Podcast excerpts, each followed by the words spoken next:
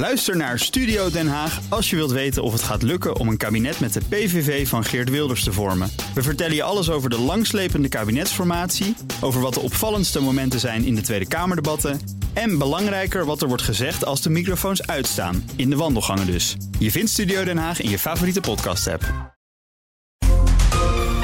Heb jij de BNR-app al? Met breaking news in de podcast De Taxioorlog? Download de app en blijf scherp. BNR Nieuwsradio. BNR breekt. Ivan Verrips. Goedemorgen en welkom. Vanaf half twaalf praat ik over het nieuws van de dag. Over Dylan Jezelgus wordt zij de opvolger van eh, Mark Rutte als partijleider van de VVD. En we hebben het over armoedebestrijding. Er zijn zorgen dat eh, ja, nu het kabinet demissionair is, er eigenlijk niks gebeurt op dat gebied. Met tot gevolg honderdduizenden meer armen in ons land dan nu het geval is. Dus er is actie nodig. Um, dat doe ik met mijn twee panelleden. Vandaag te weten Jasmin Ait Abdrachman, voorzitter van FNV Jonge United. Goedemorgen. Goedemorgen. Goed dat je er bent. En Geert Noordzij, raadslid voor de PvdA in Amsterdam. Goedemorgen. Fijn om er te zijn. Insgelijks, fijn dat je er bent. We gaan beginnen met... BNR breekt.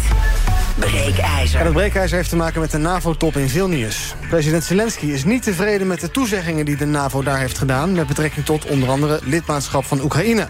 NAVO-bondgenoten zeggen dat Oekraïne lid kan worden... mits ze aan voorwaarden voldoen, maar er is nog geen tijdspad bekendgemaakt. Die voorwaarden die zijn ook niet helemaal duidelijk... en ja, daarmee is concrete toetreding nog niet in zicht. Bovendien, het land is nog in oorlog. Zelensky heeft zijn irritatie uitgesproken. Zegt dat Oekraïne respect verdient, uh, zegt hij op Twitter. Hij vindt het ongekend en absurd dat er nog geen tijdschema is opgesteld.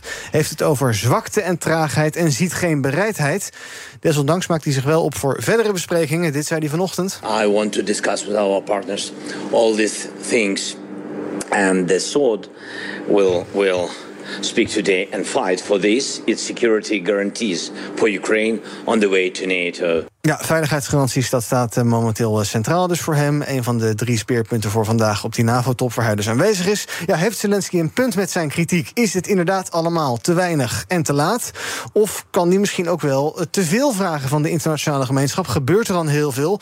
Overspeelt hij daarmee zijn hand wellicht? Ons breekijzer vandaag is... Zelensky's eis voor een snelle toetreding tot de NAVO is onrealistisch. Ik ben heel benieuwd hoe jij erover denkt. 020 468 4x0 is ons telefoonnummer. Nu bellen, kom je zo meteen in de uitzending. Als je niet wil bellen, maar wel wil stemmen... dan kan het via de stories van BNR Nieuwsradio op Instagram. Dus eventjes naar Instagram, BNR Nieuwsradio Stories. Daar stemmen, krijg je over een minuutje of twintig... een tussenstand van me. Maar het leukste is als je even belt, dan praat je zo mee. 020 468 4 keer 0 Zometeen hoor je hoe mijn panelleden erover denken. Maar ik begin bij Patrick Bolder, defensiespecialist... bij het Den Haag Centrum voor Strategische Studies. Goedemorgen, Patrick. Uh, goedemorgen, Ivan. Zelensky's eis voor een snelle toetreding tot de NAVO is onrealistisch. Zelensky is ontevreden. Wat vind jij? Ja, dat kan ik me vanuit zijn uh, perspectief wel voorstellen. Um, en hij is natuurlijk al heel lang aan het zeuren en hij krijgt alles. En hij zuurde ook al heel lang over het NAVO-lidmaatschap. En dat krijgt hij nog eventjes niet. Mm -hmm.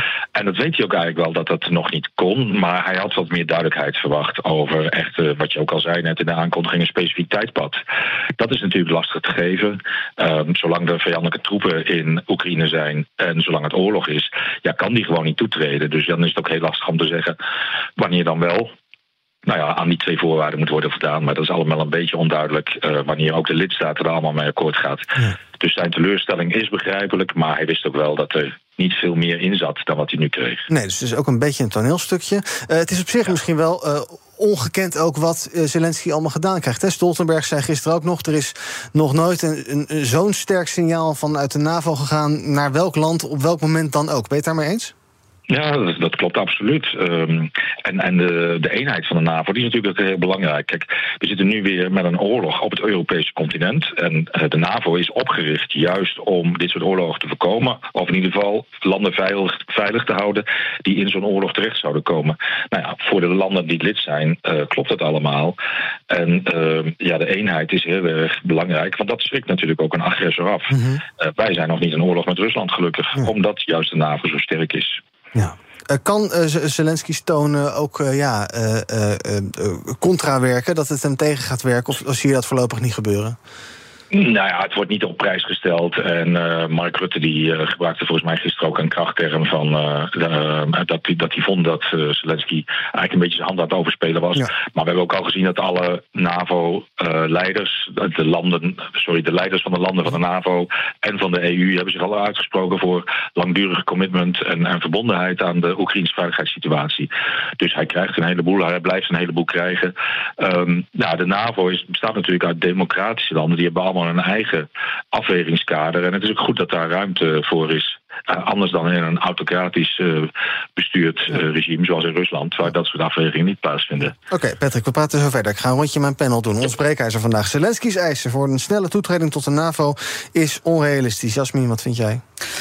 Um, ik denk dat het op korte termijn inderdaad uh, onrealistisch is. Puur gezien de situatie. Biden die heeft ook al gezegd van uh, nou, zolang er oorlog is, kan, uh, kan Oekraïne sowieso niet toetreden. En het is gewoon politiek echt te gevoelig. Iedereen is gewoon bang voor, voor Poetin. En je wil Rusland niet tegen je in het harnas jagen. Ja, zolang, die, zolang de oorlog verder woedt, zal dat denk ik het geval zijn. Ja, wat vind jij van de toon van Zelensky? Ik noemde die woorden net. Ja. Geen bereidheid, zwak en traag, absurd.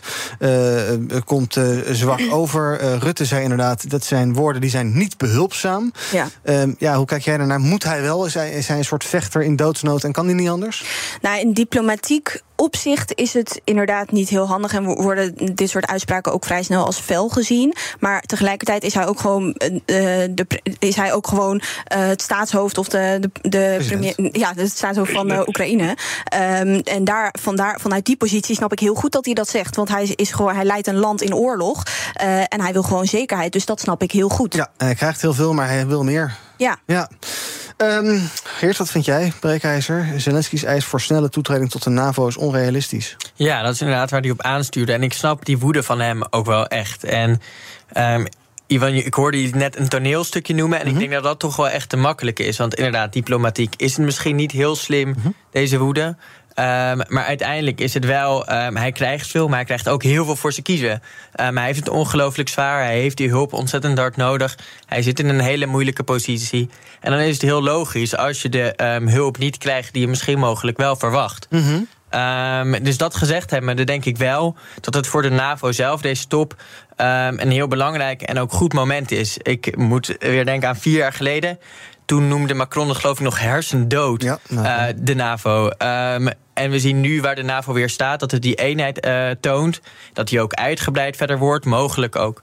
Um, dus met Oekraïne op termijn. Um, en dat is denk ik wel iets heel belangrijks om aan te kaarten. Ja. Um, dat we die eenheid wel hebben laten zien. Ja, eh, ik zeg trouwens toneelstukje, en daarmee bedoel ik meer... het is natuurlijk ook, ja, eh, hij moet, hij moet de aandacht van de internationale gemeenschap houden. En dat doe je niet door uh, allemaal hele zachte, lieve woorden te spreken... maar dan moet je ja, duidelijk zijn en veel ja, zijn. Ik hoop dat we als internationale gemeenschap vanuit onszelf... wel die aandacht ook kunnen nou, houden voor Oekraïne. Denk je dat, dat is denk ik ontzettend hard nodig. Want we zien ook wat voor verschrikkelijke dingen er in Oekraïne um, gebeuren... Ja. en hoe hard het nodig is. Er blijft ook um, hulp komen vanuit onder andere Nederland ja. um, voor Oekraïne. De NAVO blijft zich versterken... Er zijn ook stappen gezet mm -hmm. um, verder om te zorgen dat het makkelijker voor Oekraïne straks wordt om toe te treden.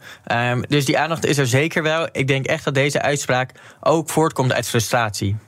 Patrick, voordat we naar uh, de bellers gaan, kan je even, ja, nou, opzoomen is misschien wel veel gevraagd, maar uh, schetsen wat de, die NAVO-top tot nu toe uh, voor Zelensky opgeleverd heeft? Want er gaat met best wel wat naar huis, toch? Nou, hij gaat zeker met veel naar huis. Um, wat het voor hem heeft opgeleverd is dat. Uh, en misschien is het ook wel een goed makertje van de politici, want ik ben het met uh, Geert en Jasmin eens.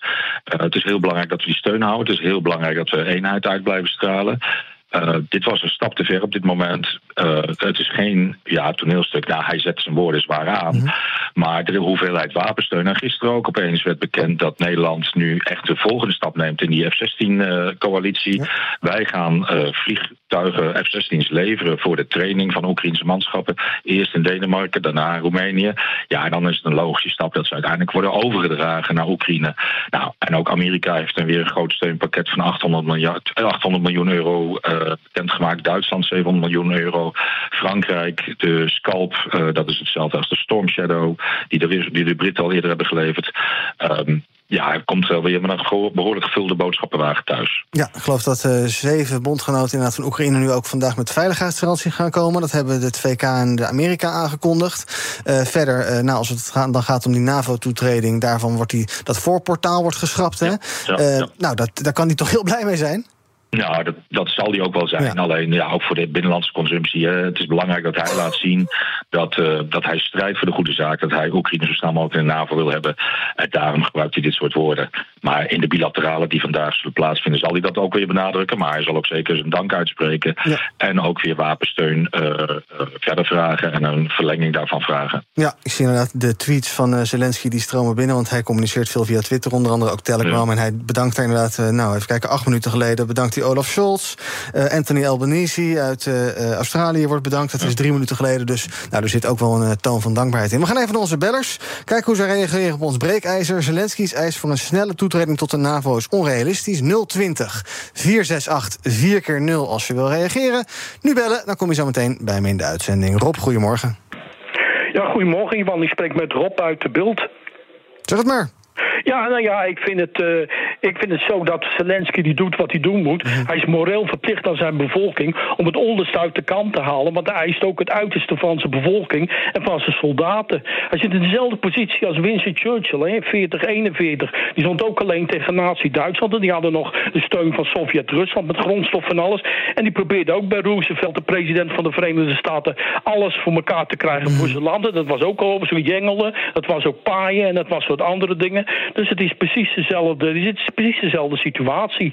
Alleen ik denk dat Oekraïne gewoon blijft bungelen.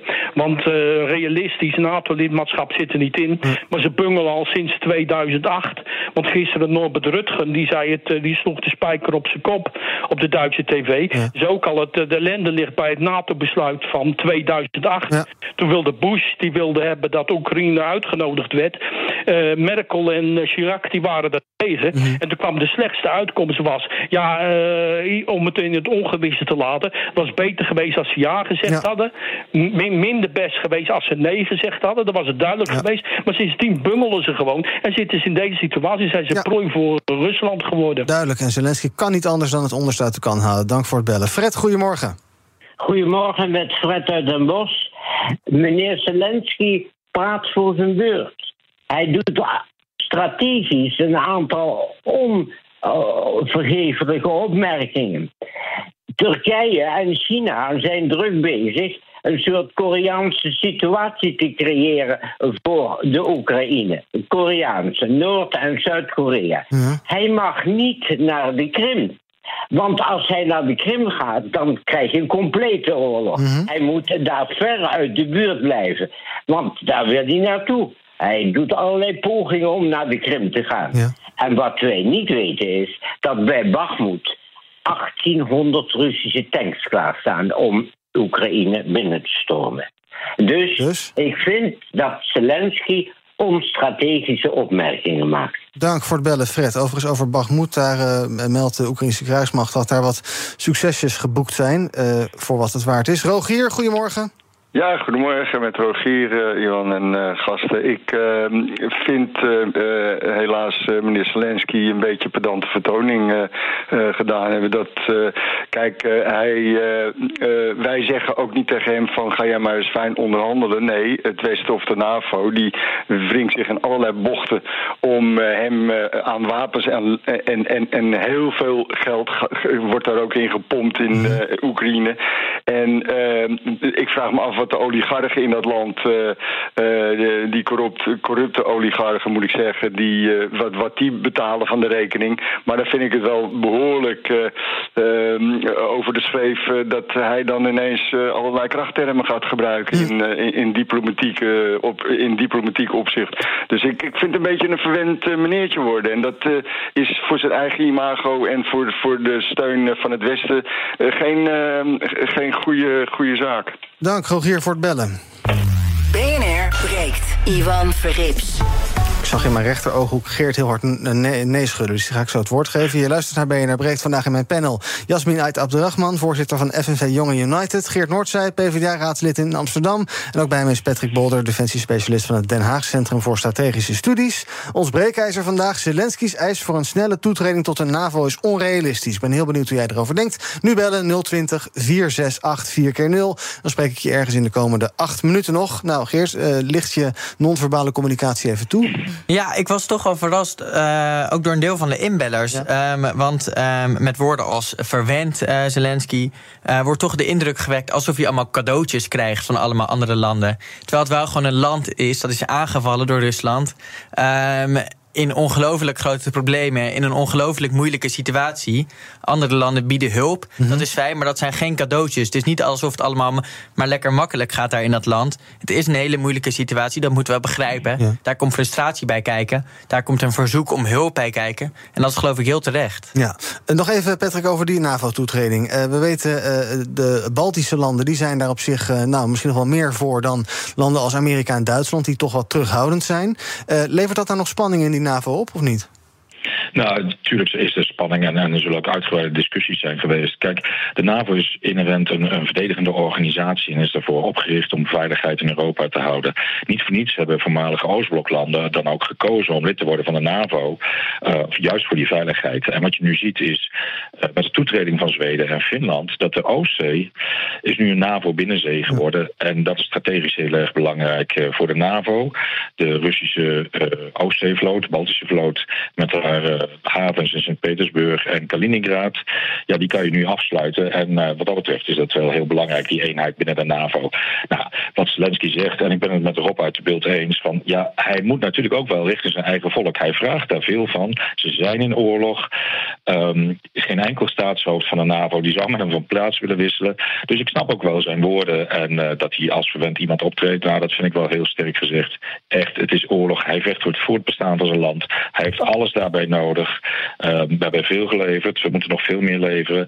En het is ook uiteindelijk als Rusland daar teruggeslagen wordt, of in ieder geval niet verder kan gaan, is het ook goed voor onze eigen veiligheid. Dus ik denk dat we verder moeten kijken naar alleen wat Zelensky zegt, naar het hele geopolitieke spel wat hier plaatsvindt. En wat dat betreft snap ik hem. En de NAVO-leiders snappen ook precies waarom hij zo praat.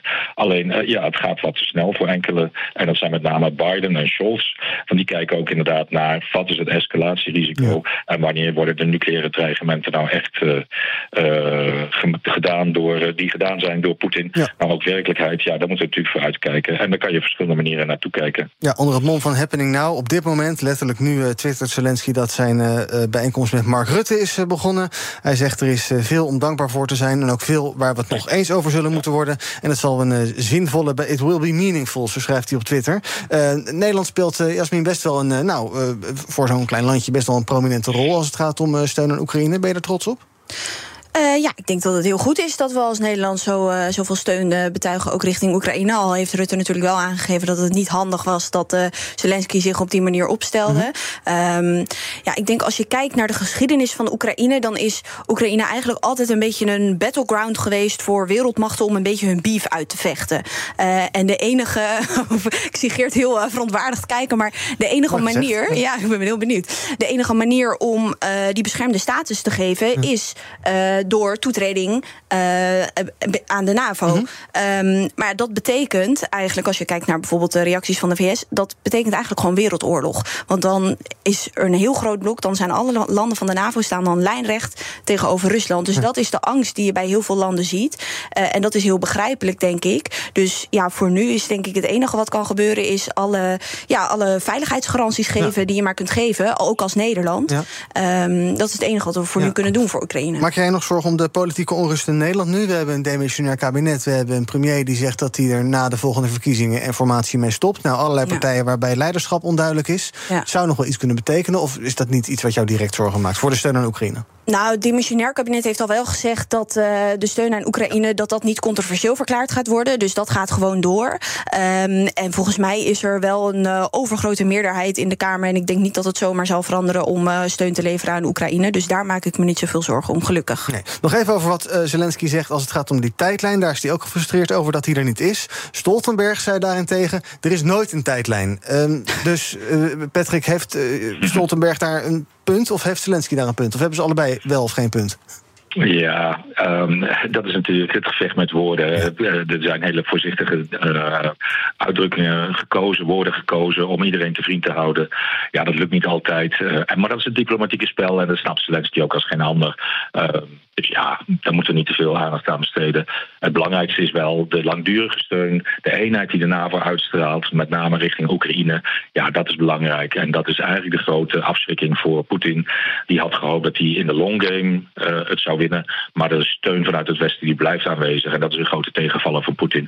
Hij zal na, na, nadruk leggen op het feit dat Oekraïne niet meteen kan toetreden. En daarbij proberen de NAVO uit elkaar te spelen. Maar daar moeten we niet intrappen. Ja, laten we nog even praten over uh, wapens. Uh, jij noemde al uh, F-16's. Wanneer gaat Oekraïne daar echt iets aan hebben? Uh, ja, dan moet je toch wel denken aan begin volgend jaar op zijn vroegst. De alle opleidingen moeten nog gebeuren voor de vliegers, maar ook vooral ook voor, voor het technisch personeel. Hoe ga je dat allemaal inrichten? Waar ga je die F-16's dan stationeren? Maar eerst moet je nog zorgen dat, dat de mensen ermee kunnen opereren, dat er goede wapens onder kunnen hangen. Uh, dat, daar gaat gewoon tijd overheen. Dat, daar kunnen we niet omheen. Dat is jammer voor Oekraïne. Dat kunnen ze hard gebruiken, zeker niet met het offensief zouden ze dat heel graag willen gebruiken om luchtoverwicht te krijgen boven de fronttroepen, uh, zodat die veel effectiever kunnen optreden met steun vanuit de lucht, want dat is wel uh, heel erg belangrijk. Uh, maar ja, het gaat nou helemaal niet sneller, dat kan niet anders. En daar zal ik met hem mee moeten leren leven. Ja, en dan andere wapenleveranties. Nou, een paar dagen geleden gehoord, Amerika is om, er waren al een tijdje geruchten, maar ze gaan clustermunitie leveren. Dat is niet onomstreden. Honderd landen hebben dat verboden. En het, het, lijkt ook wel een beetje een soort noodgreep, toch, van Biden? Van ja, ik, ik heb niet anders. We doen dit, we doen dit maar. Nou, dat klopt. Uh, wat we al heel lang roepen is, is dat de voorraden die, die, wij in het Westen hebben, hebben afgebouwd. Want we zouden nooit meer een groot conflict komen waar je een hoog verbruik hebt van voorraden. Dus die voorraden hebben we afgebouwd. De industriële productie is, uh, bestaat bijna niet meer, want er is nooit meer geïnvesteerd in uh, munitiefabrieken. ook de grote investeerders, zoals pensioenfondsen, wilden dat niet meer doen, want dat zou onethisch zijn. Ja, daar lopen we nu tegenaan, moet weer worden opgestart. Wat de Amerikanen nog wel aan uh, artilleriemunitie hebben. Dat, zijn die, uh, dat is die clustermunitie. Mm. En uh, laten we niet vergeten dat Rusland al vanaf het begin van de oorlog clustermunitie gebruikt. En dan niet alleen tegen Oekraïnse troepen, maar met name ook tegen de Oekraïnse bevolking. Dus je moet het wel een beetje in perspectief zien, alhoewel het een verschrikkelijk wapen blijft. Ja, Geert, ben je anders gaan denken over het investeren in wapens? Dat was natuurlijk heel lang, ja, dat doe je niet. Maar ja, het is nu oorlog. Ehm, misschien dat je daar toch iets anders over moet gaan denken. Ja, ik denk inderdaad dat wel sowieso ons speelt op het gebied van geopolitiek uh, veiligheid, zeker internationaal, um, ergens verandert. Mhm. Ook uh, de manier van oorlog voeren. Um, maar ook het gevaar uh, vanuit Rusland bijvoorbeeld. dat we dat veel um, helderder zijn gaan zien. Mm -hmm. en dat dat ook verder gaat dan dreigingen vaak. Ja, dus? dus dat is denk ik iets waar ja, we ons zeker bewust van zijn geworden. En dat gaat inderdaad ook om munitie. maar sowieso om internationale veiligheid. en alles wat daarbij komt kijken. Ik dank Patrick Bolder, defensiespecialist bij het Den Haag Centrum voor Strategische Studies. Fijn dat je bij ons was. Wederom in deze aflevering van BNR Breekt. Ons breekijzer vandaag. Zelensky's eis voor een snelle toetreding tot de NAVO is onrealistisch. Op onze Instagram-pagina is 90% het daarmee eens. Daar kan je nog de hele dag reageren. En zometeen gaan we verder praten over het uh, nieuws van de dag. Dan hebben we het natuurlijk over Dylan Jezelgus... die vandaag via de Telegraaf bekend maakt... dat zij wel Mark Rutte wil opvolgen als leider van de VVD. Overigens, Telegraaf die best veel primeurs heeft uh, de laatste dagen. Jezelgus dus, Hoekstra die niet door wilde, stond in de Telegraaf. Vanochtend ook um, uh, Mona Keizer, die het CDA niet wil leiden. We hebben het natuurlijk ook nog eventjes over de linkse samenwerking. Uh, ik heb uh, audio van Marjolein Moorman... die vanochtend daar een en ander over heeft gezegd bij AT5. Wil zij die GroenLinks-PVDA-club gaan leiden. En problemen bij de politie alweer wellicht. Nou, wat die precies zijn en hoe die op te lossen zijn... bespreken we zometeen hier in het tweede deel van BNR Breek. Tot zo. Ook Harm Edens vind je in de BNR-app. Je kunt BNR Duurzaam niet alleen live luisteren in de app, maar ook terugluisteren als podcast, zoals al onze podcasts. En naast dat de BNR-app Breaking News meldt, houden we je ook op de hoogte van het laatste zakelijke nieuws. Download nu de gratis BNR-app en blijf scherp. Blijf scherp. BNR Nieuwsradio. BNR breekt. Ivan Verrips. Welkom terug. In mijn panel vandaag Jasmin Ait Abderrahman, voorzitter van FNV Jongen United. En Geert Noordzee, hij is raadslid in Amsterdam voor de Partij voor de Arbeid. We gaan praten over het nieuws van de dag en te beginnen in de politiek in Den Haag. Dus de minister van Justitie, Dylan Jezelgus, wil Mark Rutte opvolgen als lijsttrekker van de VVD. En als diezelfde partij de grootste wordt na de verkiezingen in november, dan zou ze zomaar onze nieuwe minister-president kunnen worden. In de Telegraaf geeft Jezelgus in ieder geval de aftrap voor haar campagne. Ja, is zij de gedroomde kandidaat voor die partij en de potentieel gedroomde nieuwe minister-president? Uh, in Den Haag zijn momenteel allerlei uh, prominente VVD'ers die zich direct achter haar scharen. Denk aan uh, Christiane van der Wal, denk aan Erik van der Burg. Heel veel ja, huidige VVD'ers die steunen haar. Gisteren was ze even bij de camera bij de NOS. En toen liet ze nog vrij weinig los. Wilt u de opvolger worden van Mark Rutte als partijleider? Daar heb ik nog helemaal geen uh, antwoord op. Daar ben ik zelf nog over aan het nadenken. En uh, op dit moment ga ik daar helemaal niet zoveel over zeggen. Nee, en een paar uur later ging de krant naar de drukker. En toen was het opeens wel geregeld. Je zag ook al aan de glimlach dat zij natuurlijk wel meer wist. Uh, maar ja, nog niks kon zeggen. Dat was ook een beetje ongemakkelijk met Rutte afgelopen maandag. Die een paar minuten voor het debat nog zei... nee, ja, ik heb er de ideeën en ik heb er zin in. En als u het me nu vraagt, ga ik door. En een paar minuten later stopte hij ermee. Nou, Jezelkus dus de kandidaat. ik weet niet of het jullie partij is. Maar ik, ook niet, ik weet wel dat het niet jouw partij is. Ik weet niet of het bij Jasmin zit, maar dat maakt niet zoveel uit. Denk je wel dat het de goede vrouw op de goede plek is? Uh, ik denk dat het voor de VVD echt een hele slimme zet is, inderdaad. En dat hier ook wel echt al uh, lang over is nagedacht. Anders kan je het ook niet binnen een week uh, aankondigen mm -hmm. dat uh, Jezielkes het gaat doen. Ja, ik denk wel, ook gezien het thema dat, waar de verkiezingen nu over zou gaan, asiel, migratie, dat is echt haar thema. Ja. Ze heeft wel echt een, een bliksemcarrière gemaakt binnen ja. de VVD. Echt binnen tien jaar van gemeenteambtenaar naar minister van Justitie ja. en Veiligheid. Nou, wacht, laten we even in een half minuutje met onze politiek verslaggever Mats Akkerman dat cv doornemen. Komt-ie. Als we kijken naar haar politiek politieke carrière, dan is ze begonnen in de gemeenteraad in Amsterdam in 2014. Uh, ook daar uh, zat ze vooral veel op het thema criminaliteit. Straatintimidatie heeft ze veel aan gedaan om dat aan te pakken. En ze werd in 2017 al gevraagd om op de kandidatenlijst te komen voor de Tweede Kamer. en dat ja, beviel zo goed dat ze in 2021 werd gevraagd om staatssecretaris te worden in het demissionaire kabinet Rutte 3. Toen werd ze staatssecretaris van Klimaat. En ja, nu haar laatste baan minister van Justitie en Veiligheid. Ja, 2014 gemeenteraadslid, 2021 was ze stas. Ja. Ja, dat is, je kunt zeggen wat je wil, maar dat is wel knap. Ja. En dat is, uh, ze krijgt ook wel veel kritiek. Hè, van, uh, ze, ze is wel heel veel op tv en uh, ze doet wel heel veel aan zichtbaarheid. Maar ja, ja, ze zegt zelf ook daar dan in reactie op van ja, je wordt niet zomaar minister van Justitie en Veiligheid als je met one-liners. -huh. Ja, dat moet je er wel nageven. Ja. Ik ben wel heel benieuwd wat dit gaat doen met, met de stemmen, met gewoon de, het politieke landschap. Mhm. -huh. ik kan me voorstellen, net zoals je bij Sigrid Kaag hebt gezien, dat misschien de rechterflank van, de, van D66 bijvoorbeeld, die zal misschien gaan schuiven richting, uh, richting VVD. Want Mhm. dat zou betekenen dat we voor het eerst een vrouwelijke premier hebben.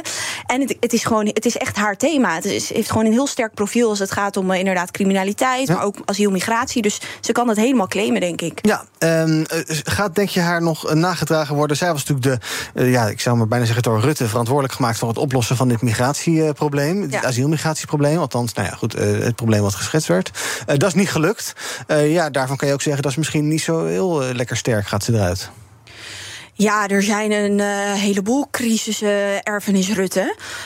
Um, daar zal ze allemaal mee te dealen hebben als, uh, als nieuwe lijsttrekker. Mhm. Ik weet niet of het haar echt nagedragen zal worden. Ik denk eigenlijk dat het er vooral zal helpen. Maar dat er ook, ik denk ook dat er heel veel kritiek zal komen. Dat Ja. denk ik wel. Ja, Geert is de, uh, Nederland toe aan een uh, vrouwelijke premier. Uh, dat voor het eerst. Voor het eerst ook een vrouwelijke premier met een migratieachtergrond dan dus. Ja, ik denk sowieso dat we in de politiek toe zijn um, aan meer vrouwen, überhaupt ook mm -hmm. meer mensen met een biculturele achtergrond. Meer LHBTI'ers in de politiek. Maar over Jezielgus zelf, ja, het is natuurlijk niet mijn partij, de mm -hmm. VVD. Um, maar ze was natuurlijk staatssecretaris uh, van Klimaat een tijdje. Ja. Nou, onderwerp dat me aan het hart gaat. En ik keek even van wat was toen haar visie. Weet je en haar daar niet heel tevreden mee bent. Ik vond het echt ongelooflijk. Ja. Eh, Gewoon nul ambitie. Nou ja, ik ben nu wel heel hard, maar ik schrok er wel van, moet ik zeggen. Ja. Um, want ik las een interview van haar terug in het um, NRC. En daarbij zei ze ook van ja, het, het halen van die klimaatdoelen van 55% dat is iets voor het volgende kabinet. Mhm. Het halen van de agenda-doelen, nou, dat zien we dan wel als we ze niet halen. Um, en ook uh, gaan we niet nu nog extra maatregelen nemen, want uh, we zien wel. Dus dat, dat vond ik wel um, zorgelijk op Ja. het gebied van de klimaatkrisisbestrijding. Ehm, maak ik me daar wel zorgen om als Ja. ik dat interview teruglees. Ja, er staat ook zoiets van al die klimaatdrammers, daar gaan we niet al te veel aandacht aan besteden. Uh, laatst ook nog een lezing hè, waarbij ze zich erg tegen woke-gedachten goed verzet. Is dat ook iets waar eh, nou, het goed is als een VVD-leider daar eh, flink eh, profiel op maakt? Nou, misschien voor de peiling, maar ik denk voor ons als samenleving om de polarisatie tegen te gaan, dat dat niet goed is. Dat het juist heel belangrijk is dat we uitdragen dat we iedereen accepteren en dat iedereen mag zijn wie die is. En dat we dat als verhaal ehm, uitbrengen. Ehm, en dat is daar nu natuurlijk wel een strijd mee. Als je gaat zeggen, nou die woke-beweging, als je dat zo gaat stigmatiseren en afstempelen, die is maar niet goed en eh, die moeten we wegzetten. Dat vond ik wel heel jammer, ja. Dan nog even kijken naar links. Eh, GroenLinks in de PvdA. Nou, daar wordt het, op dit moment is er een stemming bezig eh, of eh, die een, één lijst gaan vormen. Uiteindelijk heb je al gestemd, Geert? Ja. Heb je voorgestemd of tegen? Ja. Precies. Oké, nou dan is de vraag een beetje wie gaat eh, die kar trekken. Moet dat wat jou betreft een andere leider zijn dan een van de leiders van die partijen nu? Nou, ik vind dit dus echt. Ik, ik had deze vraag al een beetje zien aankomen. Ehm, Voorspelbaar, hè? Ja, maar we hebben, een heel, eh, we hebben nu een enorme stemming. Ehm, dat is heel bijzonder, dat is uniek, dat is historisch. Ehm, over gaan we de twee, twee grote linkse Mhm. samen... gaan we samen die verkiezingen in met een gezamenlijke lijst... en een gezamenlijk programma. Ik probeer als jonge politicus een beetje een fris nieuw geluid erin te brengen. En dan komen we met zo'n vraag van de oude politiek over de poppetjes. Wie gaat het doen? Terwijl we het ook kunnen hebben over de mooie linkse idealen... de plannen die we nu maken en die gezamenlijke lijst. Ja, maar, die plannen zijn toch niet zwaar met, eh, met een waardeloze persoon aan de top? Nee, maar we kunnen ervan zeker van zijn dat we genoeg mensen bij de partijen hebben. Dat zei Archie Oké. Kijken vorige week ook Ja. al. En laten we nou niet de hele tijd nu gaan hebben over de poppetjes. Maar laten we het gaan hebben over die verhalen en die idealen Nee en hoor, het programma. het gaat hebben over de poppetjes. Ja, maar dat is Ja. wel die oude politiek en dat vind ik jammer. Ja, nou, ga het toch doen. Timmermans, eh, gisteren, fragmentje bij, ik geloof, Nieuwsuur. Eh, die had heel veel woorden nodig om te zeggen dat hij er nog even niks over ging zeggen. Ging helemaal uitleggen hoe het proces werkte. En nou ja, oké, die hield de deur open, maar ook niet helemaal. Marjolein Moorman, vanochtend bij AT5. Luister eventjes mee, huidig wethouder in Amsterdam. Op dit moment eh, wordt er gestemd over het samengaan van de lijsten. Ik hoop heel erg dat we dat gaan doen. En ik snap ook je volgende vraag. En daar ga ik deze zomer gewoon heel diep over nadenken. Dit is nog geen nee. Eh, dat is nog geen nee. Waar denkt u aan dan op dit moment? Kriebelt het om naar Den Haag te gaan om die grote problemen die er zijn landelijk op te lossen? Nou, het kriebelt zeker om nu een andere koers te geven aan het land. En ik ga er heel diep over nadenken of ik degene ben die die koers moet uitzetten. Moorman voor eh, premier? Ja, zoals ik zeg, we moeten dus niet nu dan saai. over de poppetjes gaan hebben. Eh, dat kan je saai vinden. Ik noem dat gewoon oude politiek. Ik denk dat we het moeten gaan hebben over het verhaal nu. Ja, hier ben ik het echt niet mee eens. Misschien dat daarom ben je naar Breekt ook stopt. Omdat het Ja. een oude politiek is.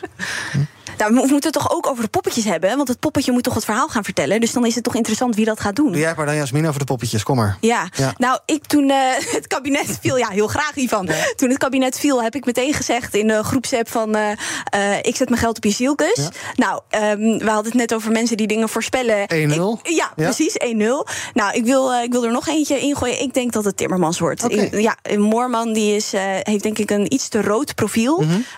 En voor zo'n gezamenlijke reis heb je iemand nodig... die zowel rood als groen is. En dat is Timmermans wel. Ik zou Ja. niet zo goed weten wie er verder... Je hebt natuurlijk nog eh, Abu Taleb, maar die is ook wel echt rood. Ja.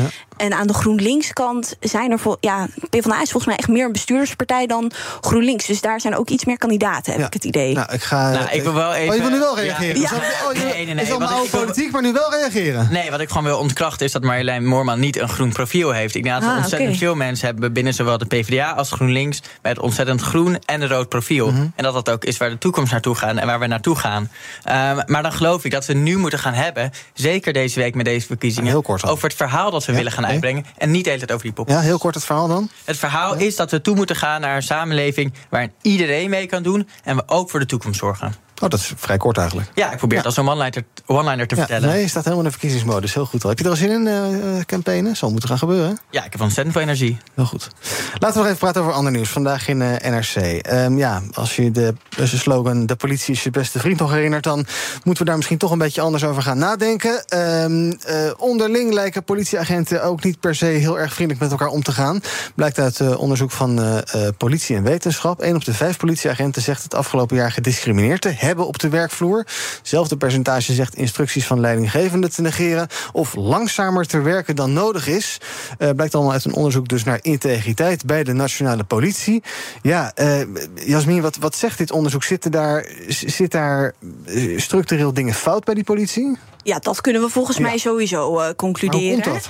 Ja, goede vraag. Dit is, dit is al zo lang, zijn er zoveel misstanden bij de politie. En de cijfers die hier naar voren komen, dat is echt, nou ja, 1 op de 5 die zegt gediscrimineerd te hebben. Ja, nog ineens te, ja. zijn, maar te hebben. Precies, dat dus bizar, dat is nog bewust. Ja. ja. dus laat staan hoeveel zou aangeven het gediscrimineerd te zijn.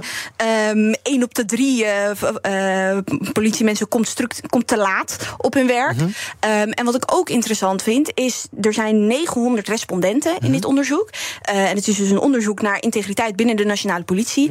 En met die 900 respondenten is het het grootste onderzoek ooit. Mm -hmm. Naar integriteit. Ja. Dus het grootste onderzoek ooit naar integriteit heeft maar 900 respondenten. Ja, terwijl er 60.000 mensen Precies, dat wilde ik net zeggen. Dik 60.000 mensen die voor de politie werken. Dus dat is, ja, dat is gewoon, dat zegt heel veel over um, hoeveel prioriteit het heeft bij ja. de politie. Maar ook hoe groot de problemen zijn. Want het, wat je ziet is dat voor agenten eigenlijk de, de normen binnen de politie heel onduidelijk duidelijk zijn. Dus er is echt vaak een, een grijs gebied. En dan is het ook heel moeilijk om je aan regels te houden. En dan worden dus grenzen ook heel snel overschreden. En dan zie je daarbovenop ook nog dat als er iets misgaat, dat er niet consequent wordt gehandeld. Ja. Dus het is niet duidelijk wat je wel niet mag doen. Nee. En vervolgens ga je dus de mist in. En dan zitten er ook geen straffen op. Ja. Als je bijvoorbeeld discrimineert of grensoverschrijdend gedrag vertoont. Dus daar zit echt een cultuuromslag die moet gaan plaatsvinden. En daar wordt al super lang aan gewerkt, maar blijkbaar lukt het niet. Ja, en ik denk dat het met heel veel verschillende dingen te maken heeft. Ik zal geen uh, ellenlang verhaal mm -hmm. uh, houden. Maar dat heeft te maken met mensen die er en al heel lang werken. Ja. Maar ik denk ook echt een stukje welwillendheid. En dus niet ingrijpen op momenten dat het nodig is. Ja, leidinggevenden die het goede voorbeeld niet Precies. geven. Dat helpt natuurlijk ook niet bepaald mee. Die onderzoekers zeggen ook dat het voor veel agenten vaak onduidelijk is ja, wat nou eigenlijk gewenst en ongewenst gedrag is op werk. En ja. uh, dat is toch wel tamelijk bijzonder. Geert, je zou toch denken, ja, het is toch wel vrij logisch dat je niet discrimineert in je werk. En uh, ja, ja, toch? Zou, dat lijkt mij wel. Ja, dat lijkt ja. mij ook. Maar blijkbaar is dat niet zo. En daaruit blijkt dus dat um, er dat gesprek heel nodig en heel dringend uh, aangaan moet worden met mm -hmm. de leidinggevende ook onderling in vertrouwen. Um, om duidelijk ook te maken van wat kan wel door de beugel en wat niet. Um, wanneer gaat het echt een stap te ver? En dan pas kan je ook echt uh, gaan normeren. Um, en uh, gaan handhaven erop om te zorgen dat iedereen zich daaraan houdt. Um, maar daarvoor is inderdaad wel heel snel dat gesprek nodig om te zorgen dat iedereen weet wat de grenzen zijn. Ja, um, de politie is de afgelopen jaren vaker in verlegenheid gebracht door allerlei ja, integriteitsschendingen. Agenten, die zich in app, agenten die zich in appgroepen racistisch uitlieten, informatie verkopen aan criminelen. maar gelukkig hebben we een demissionair minister van Justitie en Veiligheid. Die, weten we vandaag, ook allerlei ambities heeft. Moeten we daar toch wel meer van verwachten de komende tijd op dit gebied? Ik weet niet of dit nou uh, top of mind gaat zijn als het gaat om onderwerpen die uh, wel of niet controversieel verklaard moeten worden, omdat het echt gaat over een cultuuromslag. Mm -hmm. En dat is vaak gewoon wel ingewikkeld. Wat je ziet is dat vooral jonge politieagenten, dus uh, ja, mensen die net binnenkomen bij de politie, en brigadiers, dus dat zijn mensen die tussen hoofdagent en inspecteur inzitten, dat daar vooral heel veel problemen ontstaan. En dat heeft te maken met het voorbeeld dat inderdaad leidinggevenden geven ja. en dus de onduidelijkheid die er heel vaak is. Dus op de politieacademie moet ook gewoon meer tijd besteed gaan worden aan wat zijn gedragsregels. Ja, cultuur. En, precies. Ja. En wat zijn de consequenties als je je daar niet aan houdt? Ook Liesbeth Staats vind je in de BNR-app. Ja, heel handig. Luister live naar Kees en mij tijdens de Daily Move. Dan blijf je ook gelijk op de hoogte van breaking news en het laatste zakelijke nieuws. En daar vind je ook alle BNR-podcasts, waaronder de Perestrooikast. Download nu de gratis BNR-app en blijf scherp. BNR Van vandaag met Geert Noordzee en Jasmin uit Abderrahman. We gaan kijken naar wat jullie is opgevallen in het nieuws vandaag. Jasmin, jij wil het hebben over armoedebestrijding. Daar zijn zorgen om. We hebben een demissionair kabinet. En als zij nu niks doen, dan uh, gaat het aantal armen in ons land groeien met 200.000 mensen. En dan kom je uit op meer dan een miljoen mensen. Ja. Uh, wat, wat, wat, gaat er mis en wat moet er gebeuren? Nou ja, het kabinet is uh, gevallen. You heard it here first. Ja. Um, en dat betekent dus dat er de komende tijd gekeken gekeken gaat worden naar welke onderwerpen worden controversieel verklaard. Dus wat komt uh, stil te liggen en wat niet. Nou, en een van die onderwerpen die uh, dus best wel ingewikkeld lijken, is wat gaat er gebeuren met bijvoorbeeld de hervormingen van de arbeidsmarkt. Uh, er is onlangs een rapport over het sociaal minimum naar buiten gekomen, ja. dat het sociaal minimum omhoog moet. Nou, dat is helemaal niet duidelijk wat daar nu mee gaat gebeuren. maar ook incidentele maatregelen, zoals bijvoorbeeld de energietoeslag. wat gaat er bijvoorbeeld gebeuren met de verhoging van het minimumloon? Nou, dat zijn allemaal thema's die heel belangrijk zijn voor heel veel, nou, in elk geval een miljoen mensen. Mm -hmm. um, uh, als het gaat om bestaanszekerheid. En daar staan nu heel veel vraagtekens bij. En dat is natuurlijk best wel zorgwekkend. Want dat zou zomaar kunnen betekenen, als daar dus niks op gebeurt, uh, dat er straks uh, een miljoen mensen in armoede worden gestort. Maar ik maak me vooral ook zorgen om de positie van jongeren. Mm -hmm. Natuurlijk als van de jongere tak van de vakbond. Ja. omdat je de afgelopen jaren wel echt hebt gezien dat bijvoorbeeld als het gaat om koopkrachtmaatregelen, dat jongeren vaak echt een uitgezonderde positie daarin krijgen. Je hebt ook gezien in de hervormingen van de arbeidsmarkt. Daar worden hele goede stappen ingezet. Dus bijvoorbeeld flexwerk aan banden, nul uur contracten gaan eruit. Maar daar worden studenten en scholieren dan elke keer van uitgesloten. Um, ja, ik kan nog wel even doorgaan. De nationale mm -hmm. ombudsman die zegt dat uh, jongeren niet kunnen rondkomen van de jeugdloon en de bijstand. Kortom, uh, de financiële positie van heel veel mensen en ook van jongeren die staat echt onder druk. Dus je ziet nu ook nou, gemeentes, maar dus ook vanuit de vakbond uh, echt een oproep aan het kabinet om in elk geval de plannen die er liggen niet stop te zetten en in elk geval niet ervoor te zorgen dat meer mensen in armoede terecht gaan komen. Nee. Ik ben niet heel lovend natuurlijk over alle plannen die uh -huh. er liggen. Um, ik vind echt dat er veel meer moet gebeuren om ervoor te zorgen dat mensen een sterke basis hebben. Maar in elk geval niet het nog erger maken dan het is. Nee, en dit onderwerp dus zeker niet controversieel verklagen. Ja. Minister Schouten, die over armoedebeleid gaat, zeker de werk laten doen. Kijk nog even naar onze gemeenteman, Geert. Uh, want gemeenten die hebben ook gereageerd in het artikel. Die zeggen uh, bij monden van de VNG, de Vereniging Nederlandse Gemeenten. Uh, ja, er moet juist nu een oplossing, oplossing komen voor die armoedeproblematiek. Dus sluit jij dan volledig aan bij de woorden van Jasmin? Maak je je ook zorgen? Ja, en ik denk zeker dat het rapport over het sociaal minimum... dat dat heel erg aangegrepen moet worden nu als handelingskader... Um, om actie te ondernemen uh, voor de minister. Um, er is een commissie ingesteld om te kijken naar het sociaal minimum. Daaruit is gebleken het sociaal minimum is te laag. Dan moet je zorgen dat je daar actie op onderneemt. Dat je dat verhoogt, dat je dat goed stelt. Dat is geloof ik nu een hele duidelijke actie die genomen is moet worden. En de Tweede Kamer is geloof ik ook aan zet. Mm -hmm. Oké. Dan wil jij het hebben over Envy Peru. Dat is een drag queen, uh, artiest dus. En die is uh, begin deze gisteren, geloof ik, nog een uh, groep jongens aangevallen. woont in Amsterdam, geloof ik. Heeft daar op Instagram teksten over geuit. Gaat ook aangifte doen van het voorval. wat zegt jou wat daar gebeurd is? Is dit een incident of is dit geen incident? Ja, dit is geloof ik geen incident. En ook als het wel een incident is, is het ernstig, maar nou goed. Ja, ja zeker, sowieso. Um, maar um, wat je ook hoort um, van het verhaal is dat hij ook werd gefilmd, dat hij werd uitgescholden, dat het echt met een wapen was. Um, en is ook onderdeel van een veel groter probleem wat we zien. Mm -hmm. um, en dat is het groeiende eigenlijk geweld naar de LHBTI-gemeenschap. Um, en zeker ook naar transpersonen, maar ook drag queens zie je dat, omdat de stigmatisering ook groeit mm -hmm. naar de gemeenschap.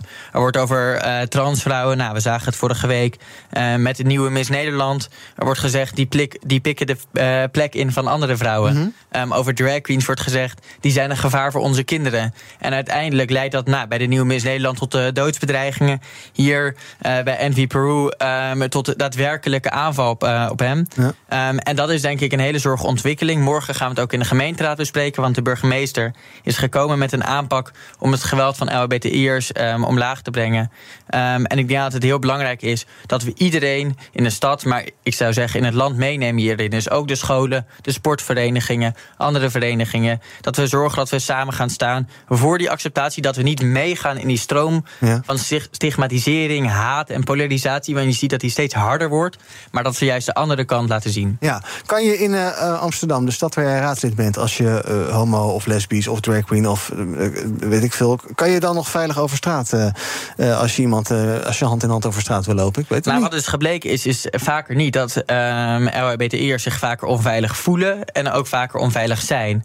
Um, vaker dan um, hetero's bijvoorbeeld. Mm -hmm. en ik zag het ook in mijn buurt, daar is afgelopen week weer een regenboogvlag vernield. Dat zijn allemaal dingen die je ziet die passen in het rijtje van de groeiende haat en het groeiende verzet en de groeiende stigmatisering. En dat is een enorm zorgelijke ontwikkeling. Dat het steeds normaler is om te zeggen: zie je wel, die transvrouwen pikken onze plek in. Um, en die groeiende stigmatisering leidt tot dit geweld. Hm. En ik denk dat we daar ons bewust van moeten zijn dat dat niet iets is wat op zichzelf staat. Wat kan een gemeente doen? Ik zag dat de burgemeester een, uh, een regenboogvlag uit de Amstel had gehangen. Nou, mooi, ja, maar dat is een signaal. signaal. En wat kan je echt doen? Ja, signalen doen ertoe. Dus dat is denk ik ontzettend belangrijk signaal. Um, maar daarnaast um, is de burgemeester dus ook met het actieplan um, om uh, het aanpak, uh, om het geweld tegen de LHBTI'ers um, tegen te gaan. Dat gaat onder andere um, om een uh, betere samenwerking met het meldpunt uh, discriminatieregio Amsterdam, het Openbaar Ministerie en de politie. Om signalen eerder op te pakken. Ik zou zeggen, betrek daar dus ook scholen en verenigingen bij. Zorg dat je samen gaat staan daarvoor. En dat je samen, als je signalen van um, haat en discriminatie opvangt, ook oppakt en daarmee aan de slag gaat. Dan gaan we nog even kijken tot slot van deze uitzending wat er trending is op de socials. BNB Vol Liefde is weer van start gegaan. Dat is niet onopgemerkt gebleven. Vooral de spirituele BNB-eigenaar Walter doet de gemoederen bezighouden. In de laatste aflevering gaat hij met zijn vrouwen de sauna in. En daar is Claudia wel enthousiast over. Het is natuurlijk altijd even, oh ja, we gaan dan natuurlijk naakt. Oké, en dan laat ik het los en uh, genieten. Dan ben ik toch een bofkont als ik hem nou al naakt zie. Ja, gelukkig weet ik niet hoe Walter eruit ziet. Ook trending is de nieuwe Barbie-film. Hey Barbie. Can I come to your house today? Sure. I don't have anything big planned, just a giant blowout party with all the Barbies and planned choreography and a bespoke song. You should stop by. Ja, nou, Filipino's kunnen nu opgelucht ademhalen, want de film mag volgende week toch in de Filipijnse bioscopen worden vertoond. Eerder overwogen de autoriteiten nog om de film te weren vanwege een controversiële scène met een kaart van de Zuid-Chinese zee. En tot slot. Ja, Britney Spears trending. Ze heeft een biografie geschreven. 13 jaar onder bewindvoerschap bij haar vader geweest. En nu de memoires die haar kant van het verhaal vertellen. Ze schrijft op Instagram erover dat ze veel therapie nodig heeft gehad om het boek te kunnen schrijven. Maar dat het af is en dat ze hoopt dat haar lezers het boek goed vinden. En tot slot nog eventjes praten over hashtag autobesitas. De stad Parijs gaat SUV-eigenaren hogere parkeertarieven vragen... in de strijd met uh, ja, de type SUV, grote auto's dus. Hè. Van die four-wheel drives, bedoeld eigenlijk voor off-road en dergelijke. Hoe groter en zwaarder je auto, hoe hoger de parkeerkosten in de stad... om op die manier vervuiling tegen te gaan van die bakbeesten.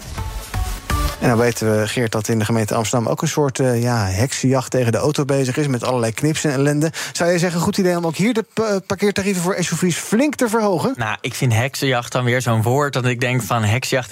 We zijn ermee bezig om de stad voor te bereiden op de toekomst. Inderdaad, je ja. ziet dat het steeds drukker wordt in de ja. stad. Um, als het gaat om inderdaad grotere auto's belasten. Ik ben wel benieuwd um, hoe dat nou precies werkt. Mm -hmm. Ik denk wel dat je ook moet kijken, bijvoorbeeld loodgieters... die hebben soms een grotere auto ja. nodig. Of uh, schilders hebben soms een grotere auto ja. nodig. Dus dat je daar wel sowieso op moet letten. Maar in principe het idee word je wel warm van. Ik ben wel benieuwd. Ja, goed idee, Jasmin?